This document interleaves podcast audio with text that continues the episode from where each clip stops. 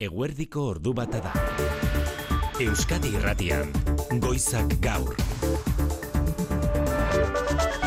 Arratsaldeon deizuela guztioi diputatuen kongresuan juntzen kontrako botoi esker amnistia legea atzera bota ostean amabosteguneko EPEA dute pesoek eta juntzek justizia batzordean erdibideko zuzenketa adosteko baldin eta egoera bideratzeko puntura iristen badira.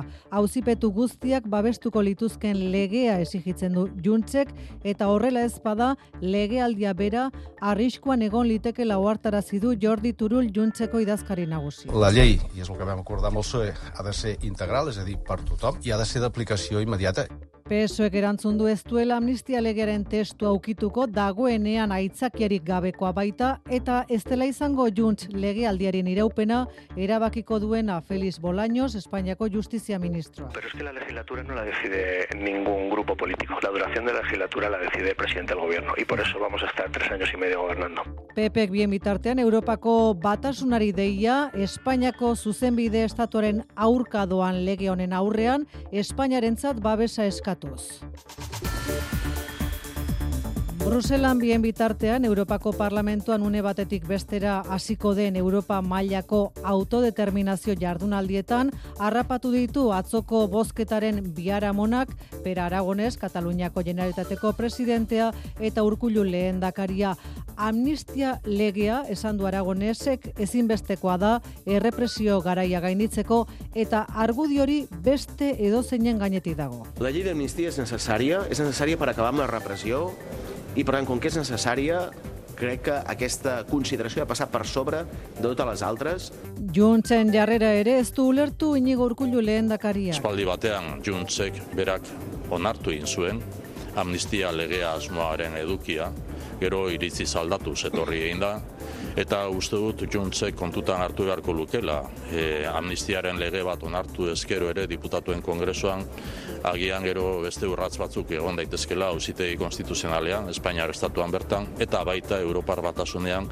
Bide batez, agintari biak, urkullu eta aragonez ados jarri dira, inmigrazio eta aldirietako transferentziak eskuratu alizateko euren arteko elkarlana sustatzerakoan. Gainerako lerroburuetan inigo alustiza arratsaldeo. Baita zuri ere maite. Etxe bizitzen aloka irua sustatzeko helburuarekin alokatzailei eta maizterrei zerga kenkariak haunditzea proposatu die jaularitzako etxe bizitza sailak Gipuzkoa, Bizkaia eta Arabako foru aldundi. Iñaki Arriola helburua jakinarazi du aldundien esku utzi duela da bere proposamena etxe bizitza alokairuan jartzen duten jabeei zerga kenkariak handitzeko, baita etxe bizitza alokairuan hartzen dutenei ere gazteak badira bereziki eta aldiz etxe bizitza erosteagatik indarrean diren kenkariak murriztu egin beharko lirateke Arriolaren iritziz.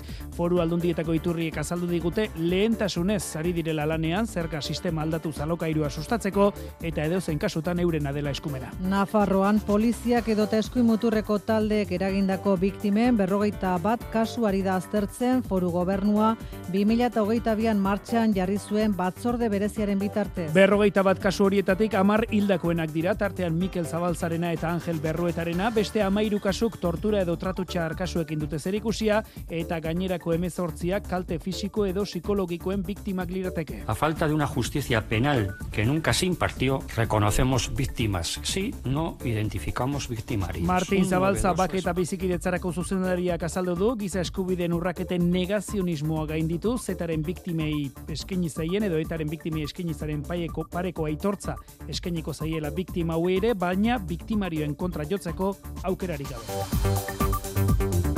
Nekazarien protesten arira Bruselatik dato razken ordukoa Europako batzordeak bertan bera utzi du 2008 lau honetarako nekazariek diru laguntza zuzenak jasoalizateko Europako batzordeak berak ezarri zuen azken araua. Alegian nekazal lurren zati bat lugorri ustea behartzen duena. Hori momentuz esan bezala behin behinean bertan bera utzi du bere ala emango dizkizuegu xeetasunak eta bestalde mauleko iltegiari lotuta Mauleko hiltegiak zabalik jarrai dezala bermatzeko eskatuz gaur elkarretaratzea egin dute elebek deituta maulen bertan, zuberoako abeltzainek eta ordu honetan traktoreak hartuta baionara iristear behar dute, barraskilo erara datoz, poliki poliki andoni lizeaga Arratxaldeon, bai, ba, bai honan gaude honenetan, mauletik abiatu diren hogei traktore horien zain, oraindik ez dute zehaztu ze forma izanen duen hiriburuan egin behar duten protesta horrek.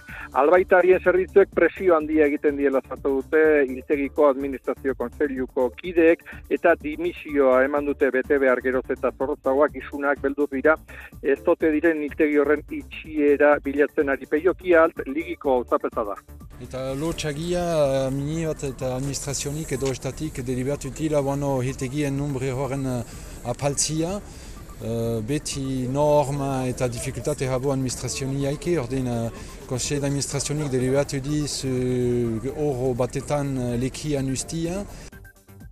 Etiketa guztietako sindikatu guztietako irureon bat laborari elgarretaratzean, autetxiak, tarteko, mauleko auzapeza, luila batoa. Begira ezagun urrengo orduetarako eguraldiaren pronostikoa jaione monarri zarratsaldeon. Kaixo arratsaldeon. Baldator aldaketarik edo oraindik ez. Gaurko ez behintzat ez dugu espero, izan ere giro guzkitsua jarraipena izango da arratsaldean, temperatura maksimoak amazazpi, emezortzi gradu ingurukoak izango dira iparparteak leku askotan, eta amala omabos gradura gerturatuko dira mediterraneo isurialdean. Baina bihar, osteguna, egoera zertxoa aldatu egingo dela esango dugu, hau da, odeiak nagusituz, joango dira, egunak aurrera ginala itxasotik hasita, ba itxasortzetik hasita be odeiak ugarituz eta zabalduz joango dira, zerua ba, lainotuta gelitu arte arratsalde partean, batez ere kantauri isurialdean, eta baztugu baztertzen odoitza horrek momenturen batean xirimiri edo euri pixka bat ustea han eta hemen. Ea ba, etortzen den xirimiri hori asko eskertuko dute, ez dakit beste asko agian ez, jaion eskerrik asko bihar arte. Vale, agur. Barcelona eta Osasuna gaur aurrez aurre zazpietan hasita Jose Maria Paula. Arratsaldeon alaxe da bere garaian jokatu etzen partida Superkopan zeudelako biak. Ezin jakin Xabi entrenatzaileak esan dagoaren ostean blaugranak zalantzak miazkatzen izango diren edo parekoa egurtzeko indar berrituta Osasuna iazko urriaren lehen egunetik dabil etxetik kanpo irabazi gabe eta datua da Barcelona da Espainiako futbol ligan gol gehien hartutako taldeetako bat. Zortzigarren dago gainera zerrenda horretan. Eskupilotan amorebieta eta atano ditugu gaurko interesguneak, eh, jakin dugu urrutiko etxea bigarrenez aranguren ordezkatuko duela, zabaletak esan du gaurrez bihar erabakiko dut. Bihar bertan jokatu edo ez, eta altuna eta mariezkorrena bia kolokan. Ordu bat aterdietan donostiako atanon hasiko den ekitaldi horretan izango gara, bien bitartean, baikok berri eman du, ekain lizeaga, hogei urteko astigartar gazteak debut egingo duela etzi, amore bitan. Kulturan, Jon Arretxe idazleak sortutako ture detektibe ezagunaren personaian oinarritutako egindako telesaila, bihartik aurrera ikusgai izango da primeran plataforma Manu Etxezortu. Ture detektibea gineatik gure gana etorritako migratzailea, ertzaintzaren konfidantza lortuta kasuak ikertzen hasiko dena Bilboko, San Francisco, auzoan gertatzen dira detektibeak ikertzen dituen kasuak, eta injustu, telesailari esker auzoak kanpoan duen irudia hobetzea nahiko luke Jon Arretxe idazleak entzun, Euskal Herratiko arratxean hitz egin du. Eta kanpotarrak etorri hoteletara, turismo bulegoetara, eta normalean betiko plano erakutzi, eta esaten diete, behitu hemen dauka suskalduna, gu, egen e, nik ez da izer, hartzan dako funikularra, samamez, eta us honetan ez sartu, bum, eta lango gurtze gorri bat, eh, e, ipin izan dute horrein arte. Ba, nik espero dut, e, serioni esker, ba, ba, kontrako izatea, hemen horra jentea honet torri, eta eta serio horretan agertzen dena uso abitu hemen txadukazu, eta horako biribil berde baten barruan sartzea, eta jente horra joatea, eta ezagutzea. Ture detektibaren larruan, Malcolm Treviño zite ikusiko dugu, etaren alboan Euskal Aktore ezagunak, una xugalde, Itziarri Tuño, Loreto Mauleon, Telesaila maite, bihartik aurrera, primeran plataforman eta euskeraz. Ordu bata eta bederatzi minutu dira, Xabi Gallastegi eta Xabi Iraola teknikan eta errealizazioa. Euskadi Irratian, Goizak Gaur, Maite Artola. Amnistiaren legeak eragin duen eztabaida politikora etorri aurretik, nekazarien aldarrikapenei lotuta gaur Europako batzordeak eh, egin duen iragarpena. Batetik nekazarien protestei entzungor eginda esango dugu estatukidei eta Europako Parlamentuari proposatu die Bruselak beste urtebetez luzatzea Ukrainako produktuei inbazioa ostean ezarri zitzaien zerga salbuespena. Baina bestetik Ukrainako elikagaiek Europako lehen sektorean eragiten duten desorekari aurre egiteko babes neurriak ezartzea ere proposatu du Europako batzordeak eta esan dizuegu sarreran bertan bera utzi du behin behinean diru laguntzak nekazariei banatzerakoan ezarri zuen azken arau arau polemikoa nekazal lurren zati bat lugorri ustea behartzen zuen aigotzalkorta. Nekazarien ezinegona zoartzen gara ala esan du Janus Botxiteski nekazaritza komisarioak. Onartu du kostuen igoera handia ari direla jasaten Europar Batasuneko nekazariak eta egoera ikusita iragarri du batzordeak diru laguntza banatzerakoan ezarritako arau berriena behin behinean bertan bera geratuko dela lurren zati bat lugorri ustera behartzen zuena. Allowing EU's farmers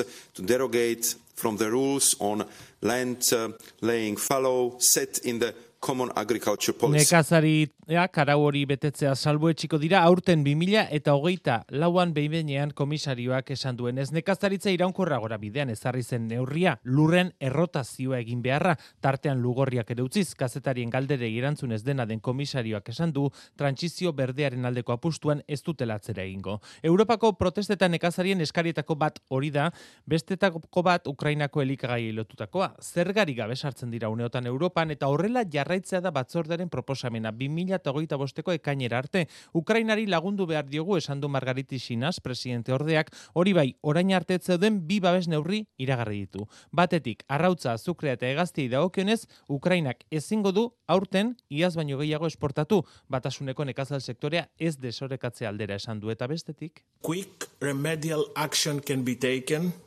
Estatukidek neurri azkarrak hartu izango dituzte Ukrainako produktuek merkatua desorekatzen badiete. Orain arte Europar batasuna oso kritiko izan da Ungaria eta Poloniarekin esaterako, beren aldetik mugak jarri baitizkie Ukrainar produktuei. Sinasek esan du ez dutela orain hori baimenduko, baina Europar batzordearen aurrean datuekin frogatzen badute eragin kaltegarria neurriak hartzen utziko diela. Frantziako gobernuak gaur sektoreari neurri batean keinu egin dio, berreunda hogeita mar milioi euro iragar jarri ditu hauek bereziki ardo ekoizlei zuzenduta.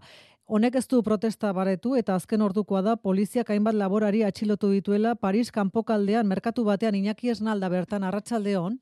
Arratsaldeon traktore talde bat Ganjiz merkatura iritsi berri da. 18 laborari atxilotu egin dituzte. Hala ere traktoreak ez dira bidea blokeatzen ari, bidertzean geldirik daude eta gainera polizia nekazari produktuen munduko merkatu handiena babesten ari da. Asei autobideko blokeoan izan gara goizean, Orlia aireportuaren alboan, bertan giroa lasaia da, ziurtatu digute ez dutela gatazkarik nahi, baina parean dituzte un bat metrora jendarmen blindatuak. Ordu honetan kezka sortzen duena, ajeneko laborari konboia da, paristik egun bat kilometrora daude, jendarmeak bidea oztopatu eta oztopatu ari dira, eta traktoreak albezala inguruetako landa bidetatik aurrera egiten Parisko norantzkoan. Bihar Bruselan egingo den bileraren zain gaur nekazaritza ministroak dirutza iragarri du berreun eta hogeita mar milioi euro mazgintza sektorearen zako. Hala ere, protestek eta blokeoek aurrera egingo dute badirudi ostiralera arte. Ego Euskal Herrian nekazarien sindikatu egarbi dute, Frantzian eta Europako beste herrialde batzuetan bezala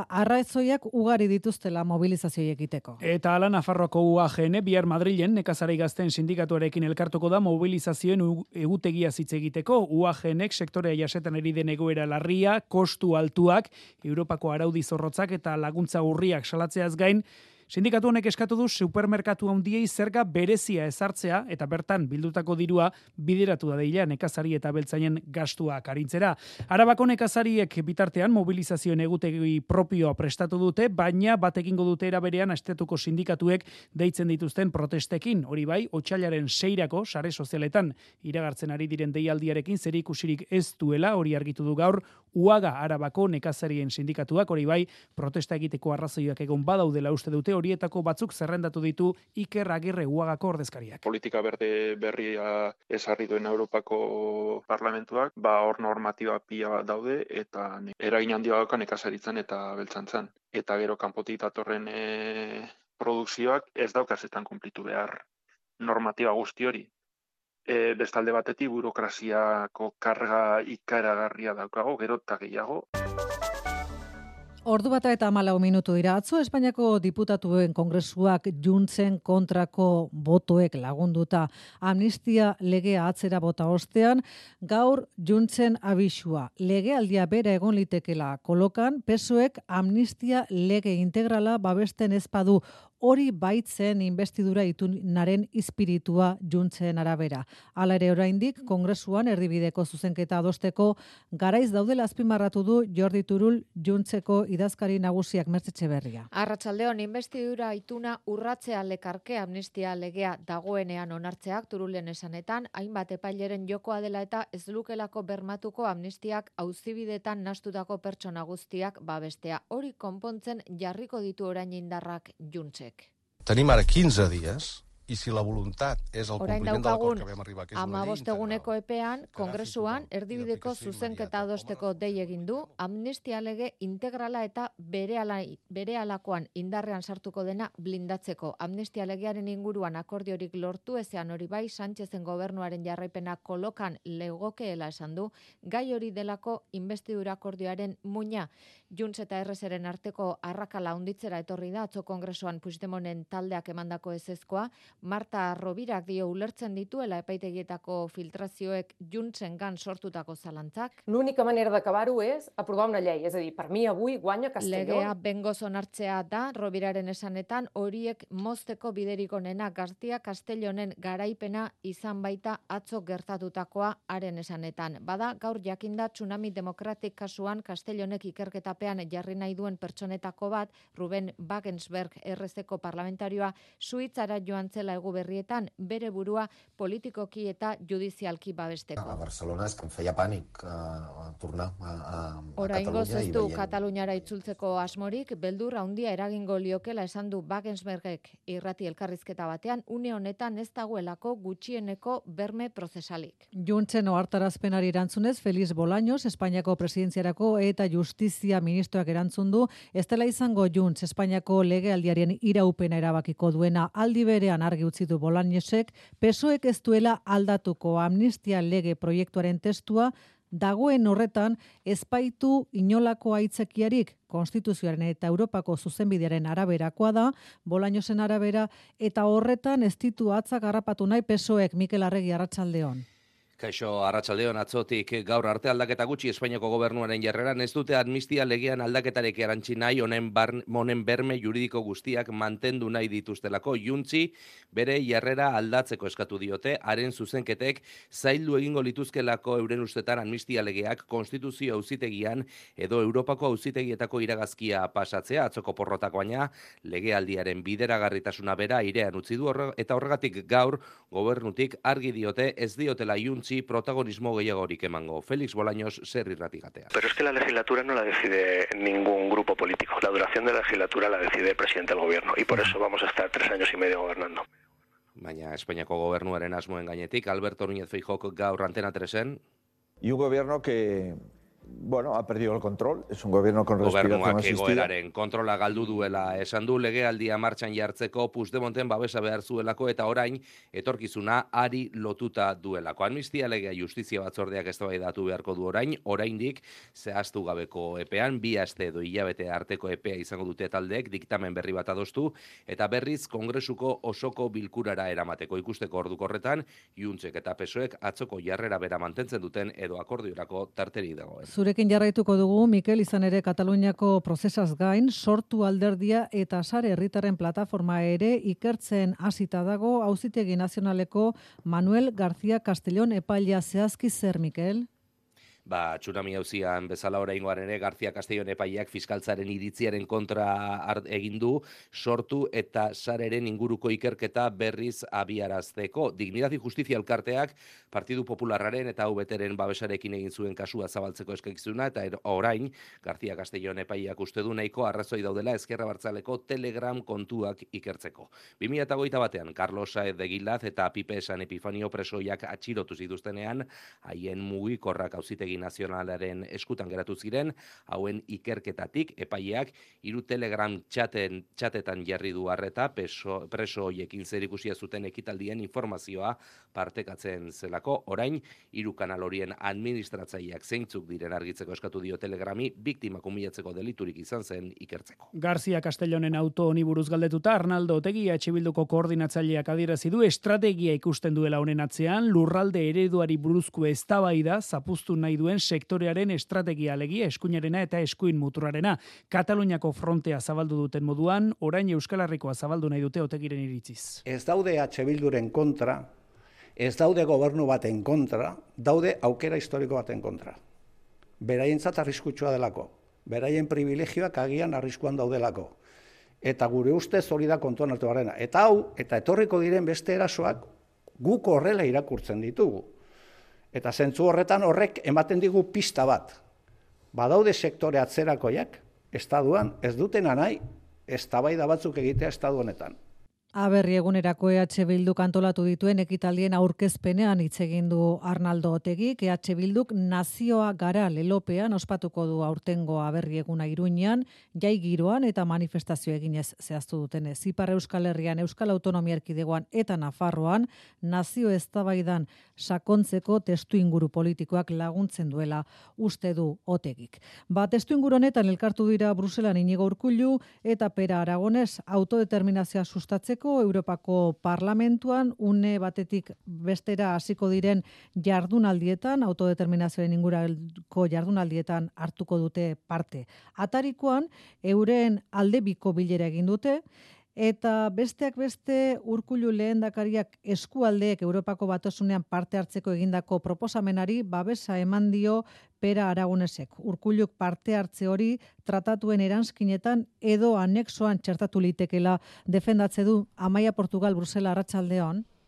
Arratsaldeon bai, autodeterminazio eskubidearen inguruan, une batetik bestera Europar Parlamentuan aurkeztekoak direna da, aditu batzuek egindako txostena eurodiputatu talde batek eskatuta eta ekitaldi horretan hartuko dute parte urkuiuk eta aragonesek arratsaldeko hiruetatik aurrera. Baina autogobernuaren garapenean aurrera egiteko beste bide batzuk ari dira urratzen, jaurlaritza eta generalitatea Madrilen zein Bruselan. Inigo urkuiu lendakariak aragonesi aurkeztu dio, atzo Europar batzordera eraman zuen protokolo proposamena, estaturi gabeko nazioek boto propioa izan dezaten lege eskumenak dituzten hauzietan.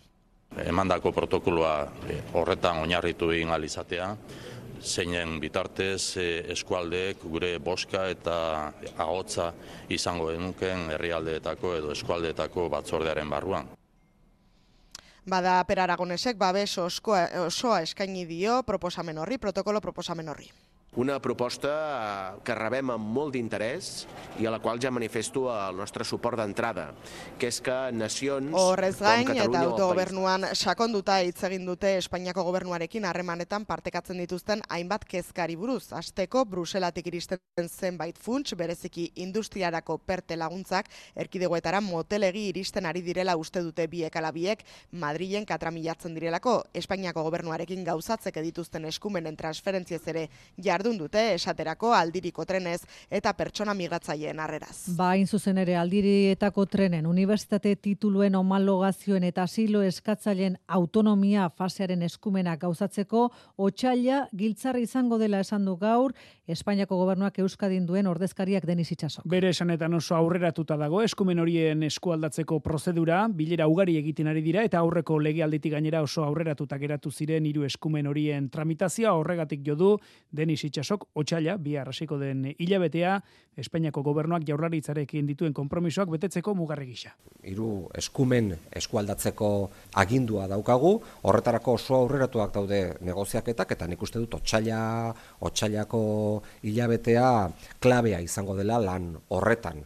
Izan ere aurreko legealditik e, oso aurreratuta daude hainbat lan, eta hortaz e, konfidantza osoa daukagu, e, azken batean hori posible izango dela. Iñaki Arriola jaurlaritzako etxebizitza sailburuak bestalde berretsi du gizartearen etxebizitza beharretara egokitu beharra dagoela etxebizitzaren arloko zerga politika eta herritar gehienek alokairuaren aldeko apustu egiten dutela aintzat hartuta, foru aldundiei jada egin die proposamen zehatza alokairuaren inguruko kenkari fiskalak haunditzea eskatuz maialen narratibela arratsaldeon. Arratsaldeon bai, alokairuen abantaia fiskalak haunditu ditzatela, alaskatu die beste behin Iñaki Arriolak hiru foru aldundiei, batetik alokairua ordaintzen dutenei kenkariak handitzea proposatu die, batez ere gazteenei, etxea alokairuan jartzen duten maizterrei, erren errenta itorpeneko kenkari fiskalak handitzen joatea, prezioak jeisten dituzten einean, eta baita etxe bizitzak birgaitzeko zerga abantaiak ematea ere. Azken finean, alokairuaren demanda igo egin dela ikusita, zerga sistema osoa egokitu egin behar dela, argia esan du arriolak, eta bueltan bueltan etxea erosteagatik eskaintzen diren kenkariak murriztean nahiko luke, baita erosleen kreditu fiskalak ere. Hiru aldi hondietatik horri erantzunez diote ari direla zerga erreforma aztertzen eta lantzen etxe bizitzaren alorrekoa lehentasun dutela hori ere ziurtatu digute baina momentuz ez daudela xetasunik aurreratzeko moduan eta edozein kasutan ohartarazi digute, ohartarazten dute, zergak aldatuta soilik estela konponduko egun dagoen etxe bizitzaren arazoa. Erzila hotelean eskenitako gozarian hitz egin du Iñaki Arriolak gaztelera egindako hitzaldia, espero du AHTaren Gipuzkoako adarra, Bergara eta Donostia artekoa amaituta izatea legealdia amaierarako. Eta hartara jaurlaritzaren eskumenekoa den adarra egintzat edo eginda utziko luke Arriolak sailburu kargu austerako hitzemandu era bere berean, Basauri eta Bilbo arteko lotunea datozen hilebeteotan esleituko dutela, eta pazientzia eskatu di herritarrei, abiadura hondiko trena astiro baina aurrera badoalakoan, ez duela sailburu lanetan jarraitzeko asmorik, hori esana zuen arriolak, eta gaur aitortu du, arantza eramango duela, zaldibarko zabortegian kertatutako istripua tarteko. Ikastetxeetan mugikorren erabilera mugatu dute, estatuko erkidego gehienek, Pilar Alegria, Espainiako hezkuntza ministroak esan du, guztiak norabide berean ari direla lanean, mugikorren debekuaren norabidean alegia unionetan, gai aztertzen ari dira hezkuntzako konferentzia sektorialean ainoa mendiburu. Pilar Alegria eskuntza ministroak ikastetxetan mugikorra debekatzea albiste ona dela esan du eta erkidego guztiak norabide berean lanean ari direla azpimarratu du. Esta primera decisión por parte de todas las administraciones yo creo que es muy positiva, que independientemente Agintean dagoen kolorea edo zein izan da, kezkagarria den gai bati erantzun bateratua ematea albiste ona dela azpimarratu du. Eskuntzako konferentzia sektorialean arautegi hori zehazten ari dira erkidegoak. Carlos Jimeno, Nafarroako eskuntza kontxellariak mugikorren erabilera lantz ari den bizikidetza planaren barruan kokatuko dela dio. Jokin Bildarratz hezkuntza sailburuak ez du bileran parte hartu, hezkuntza sailarekin harremanetan jarrita adierazi digute duela aste batzu Pilar Alegria ministroarekin izandako bitariko bileran Eusko Jaurlaritzaren planaren berri eman zitzaiola. Hau da, ikastetxe bakoitzaren esku geratuko dela mugikorren erabilera zehaztea. Gai ez aldatuta Nafarroako parlamentutik sortutako motivazio politikoko indarkerien biktimen erreparaziorako batzordeak urtebete eskasean berrogeita bat biktimaren salaketak jaso ditu. Unionetan, tramitaziopean eta konfidentzialtasun pean daudenak.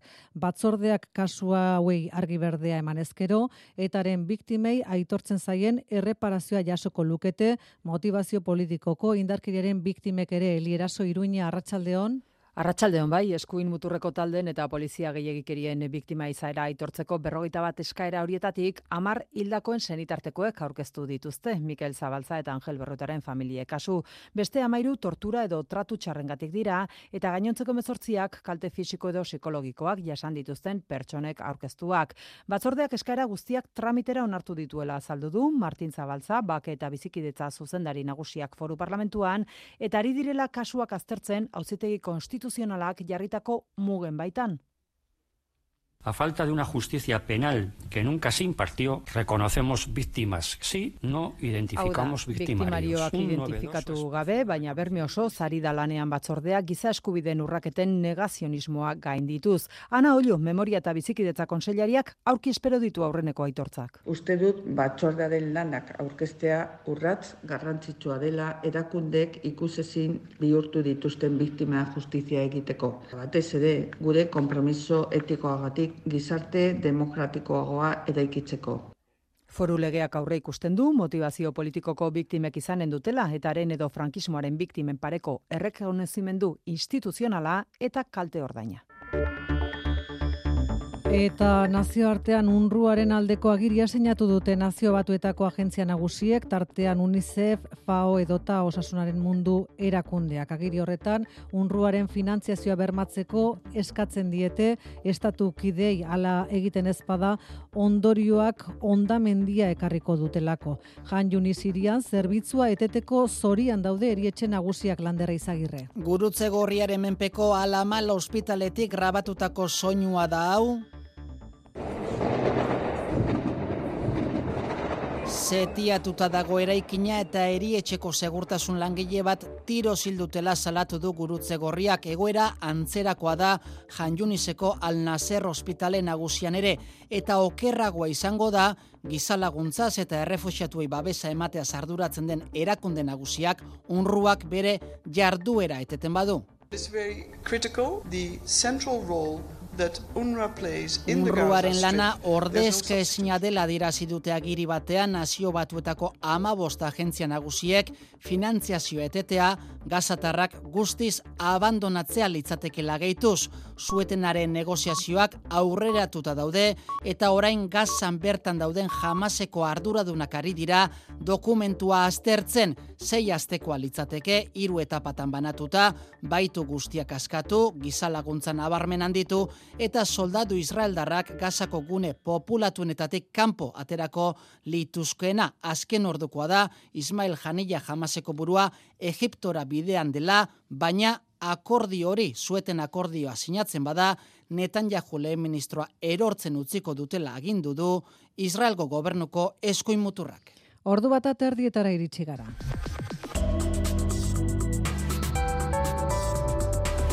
Euskadi irratian, eguraldia eta trafikoa. Aparteko gora berari gabe errepide saren nagusian segurtasun zailak esan digunez. Eta hausie bestalde urrengo orduetarako Euskal Meten pronostikoa.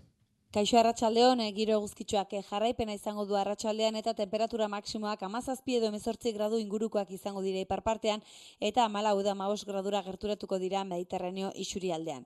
Eta bi arra osteguna egoera zertxo baita aldatu egingo da eta odeiak nagusitu ze joango dira. Hala goizean zer, beodeiak kostaldetik hasita barnealdera zabalduz joango dira, zelua lainotuta gelditu arte batez ere kantauri isurialdean eta odeitza horrek ba xirimiri edo euri pixka bat ere uz dezakean eta hemen batez ere egunaren bigarren zatian. Egoaldean berriz e, giroa argiagoa izango da. Temperatura maksimoak e, jeitxe egingo dira eta amairu eta maus gradu artean geldituko dira.